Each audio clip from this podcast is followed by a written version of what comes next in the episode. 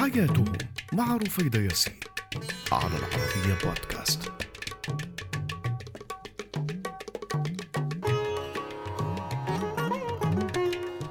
مرحبا أنا رفيدة ياسين وهذه هي حياتهم على العربية بودكاست.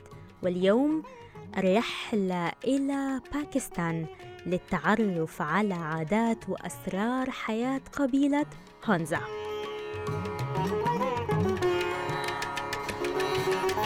في جبال كاراكورام شمال باكستان بتعيش قبيلة هونزا هم مجموعة من الناس معروفين بطول أعمارهم وبيقال إنهم لا بيمرضوا ولا بيشيبوا فيا ترى ما هو السر وراء تمتعهم بصحة أفضل وحياة أطول عن غيرهم؟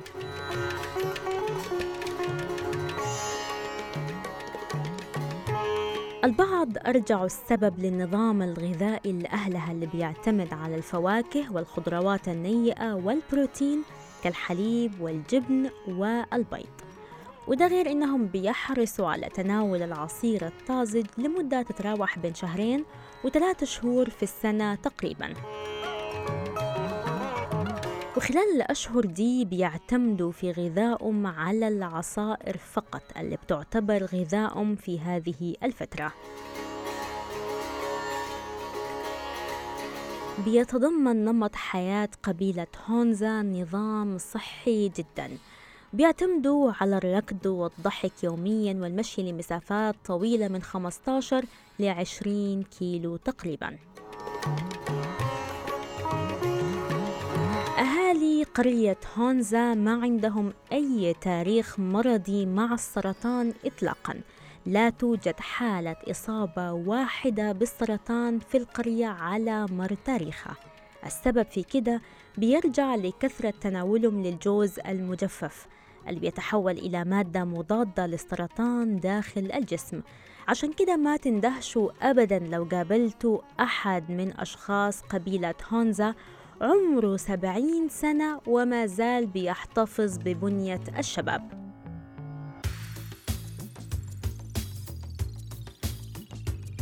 البعض بيطلقوا على المنطقة هونزاس. هي ما مجتمع أسطوري ولكنه حقيقي رغم ما يقال عن أنه أفراده قد يصل عمرهم إلى 150 سنة ودون أي تعرض لإصابات أو أمراض من أي نوع.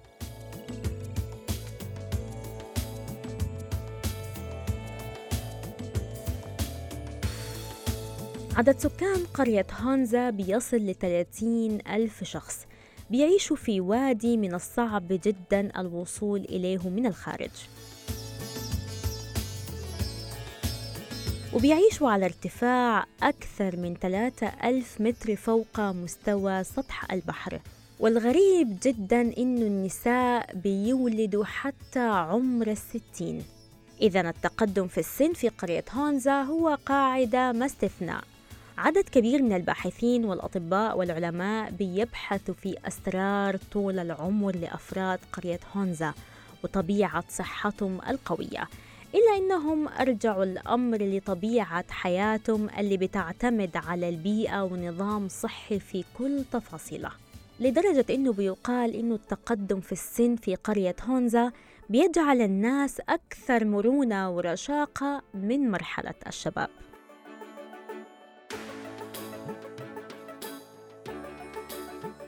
أهالي قرية هونزا من كبيرهم لصغيرهم بيتمتعوا بصحة وطاقة لا حدود لها.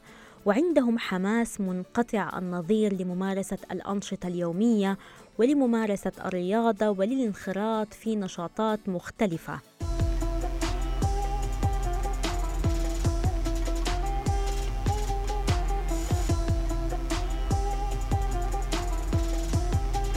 المدهش برضو إنه ما في صيدلية في قرية هونزا وهم ما بيحتاجوا إطلاقا لتناول الأدوية لأنهم أساسا ما بيمرضوا.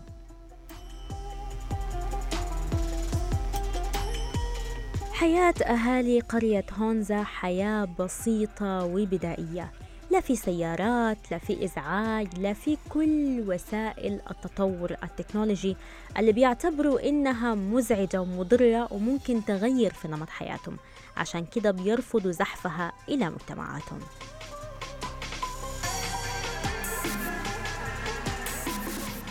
للحفاظ على صحتهم وطبيعة حياتهم المختلفة بيحرص أهالي قرية هونزا على عدم تناول أي مواد ملوثة بالمواد الكيميائية وحتى الصناعية الحديثة أو الأغذية المعدلة وراثياً أو المياه الملوثة. الأكثر من كده إنه ملامح الشيخوخة بتظهر عندهم بعد السبعين والبعض ما بتظهر عليه ملامح الشيخوخة إلا حتى بعد ما يتخطى مئة عام.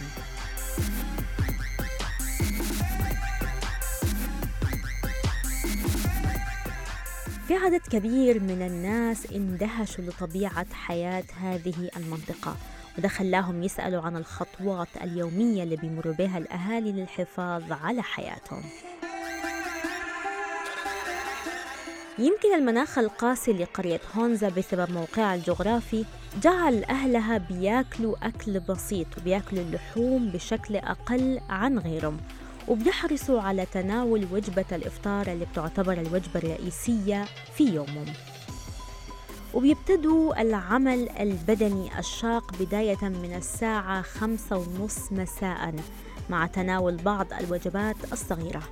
وده بيقول عنه عالم الأحياء الدكتور مارغو أدلر إنه تقليص الطعام بيؤدي إلى زيادة معدلات إعادة تدوير الخلايا وآليات الإصلاح في الجسم. وده بيؤدي بطبيعة الحال وفق الدكتور مارغو أدلر إلى زيادة معدلات إعادة تدوير الخلايا وآليات الإصلاح في الجسم وما يعني بطبيعة الحال إبطاء عملية الشيخوخة بالإضافة لتناول الغذاء البكر وأيضا وجود ماء وتربة ونوعية هواء نقية ومختلفة.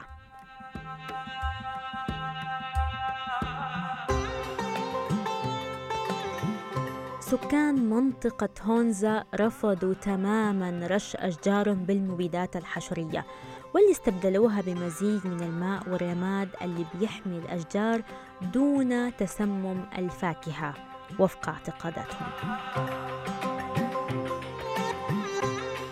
بيركزوا أهالي قرية كونزا في طعامهم اليومي على أكل الدجاج أو السمك مع التركيز الأكبر على الفواكه والخضروات العضوية بالإضافة طبعا للحبوب دون تناول اللحوم الحمراء بشكل كبير.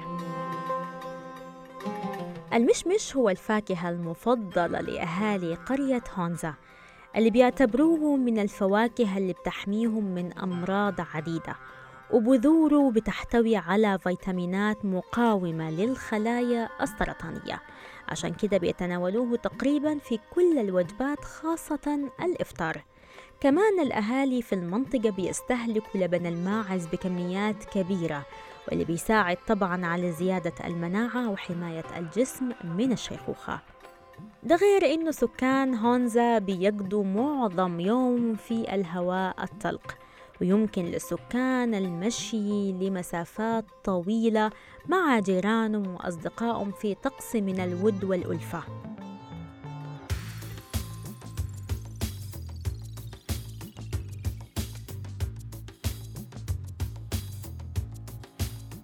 على الرغم من أنه أهالي قرية هونزا بيبذلوا مجهود كبير في نشاطات بدنية مختلفة إلا أنهم في الوقت نفسه بيحرصوا على زيادة الوقت المخصص للراحة بالنسبة لهم وبيحرصوا جدا على الاسترخاء وممارسة تمارين اليوغا بشكل يومي وطبيعي وأمام المياه.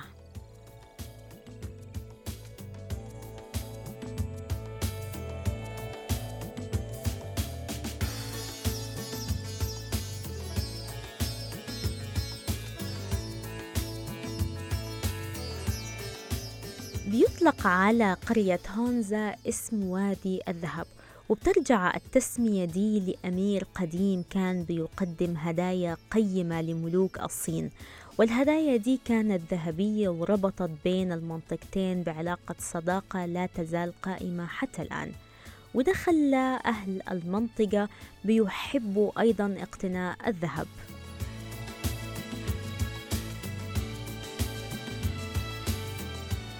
جبال كاراكورام بتعتبر من أعلى السلاسل الجبلية في العالم واللي بتنتمي لسلسلة جبال الهيمالايا. وبتمتد السلسلة الجبلية دي على كل من باكستان والهند والصين. عشان كده بنلاقي أفراد ومجموعات من قبيلة أو قرية هونزا مش بس موجودين في باكستان أو في المنطقة الشمالية منها إلا أنه في بعضهم برضو موجودين في الهند وفي الصين. وبسبب التواصل بين هذه الشعوب تم بناء طريق الكراكورام اللي بيعرف بطريق الصداقة وبيقطع سلسلة جبال الكراكورام وبيسهل تواصل الصين وباكستان في تواصل الناس.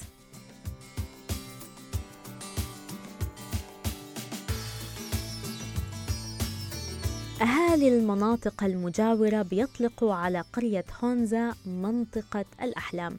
ما بس لطبيعتها الساحرة وأيضا مناظرها الخلابة إنما في سبب أجمل من كده ميزة عن المناطق المجاورة هو إنه شعبها المتسامح المسالم اللي بيتعامل مع المناطق المجاورة بود وألفة كبيرة.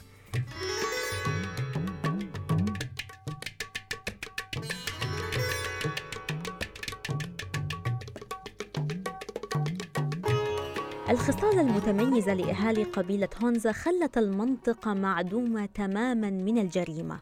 وعشان كده ما فيها أي رجال شرطة غير فقط نظام قبلي مناطقي هو اللي بيحكم المنطقة. عشان كده بتعتبر أكثر الأماكن أمانا في هذه المنطقة على الإطلاق.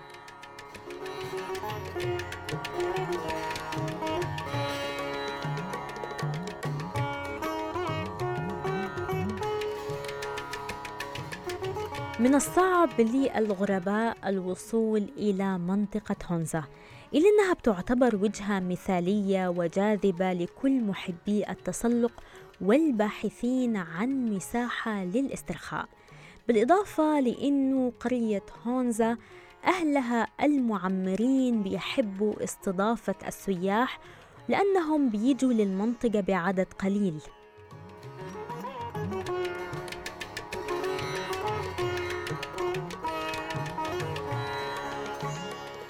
وهواة التسوق حول العالم بيزوروا المنطقة رغم صعوبة الوصول لها جغرافيا لكن بيتسلقوا الجبال حتى يصلوا إلى هناك. وبينضموا إلى كبار المنطقة وكهولة اللي بيمارسوا رياضة تسلق الجبال كعادة يومية رغم تقدم سنهم.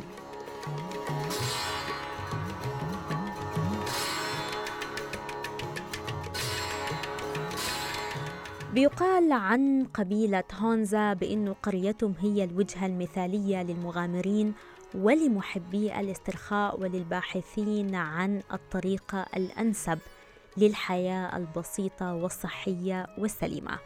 لأنه بتجمع مجموعة من المميزات نادرة وقلما تجتمع في منطقة واحدة. الأهالي المسالمين الترحابين الودودين والبيئة الصحية الخالية من أي ملوثات على الإطلاق. أهلها بيحبوا نمط حياتهم وبيحرصوا على عدم تغييره. ببساطة لأن هذه هي حياتهم.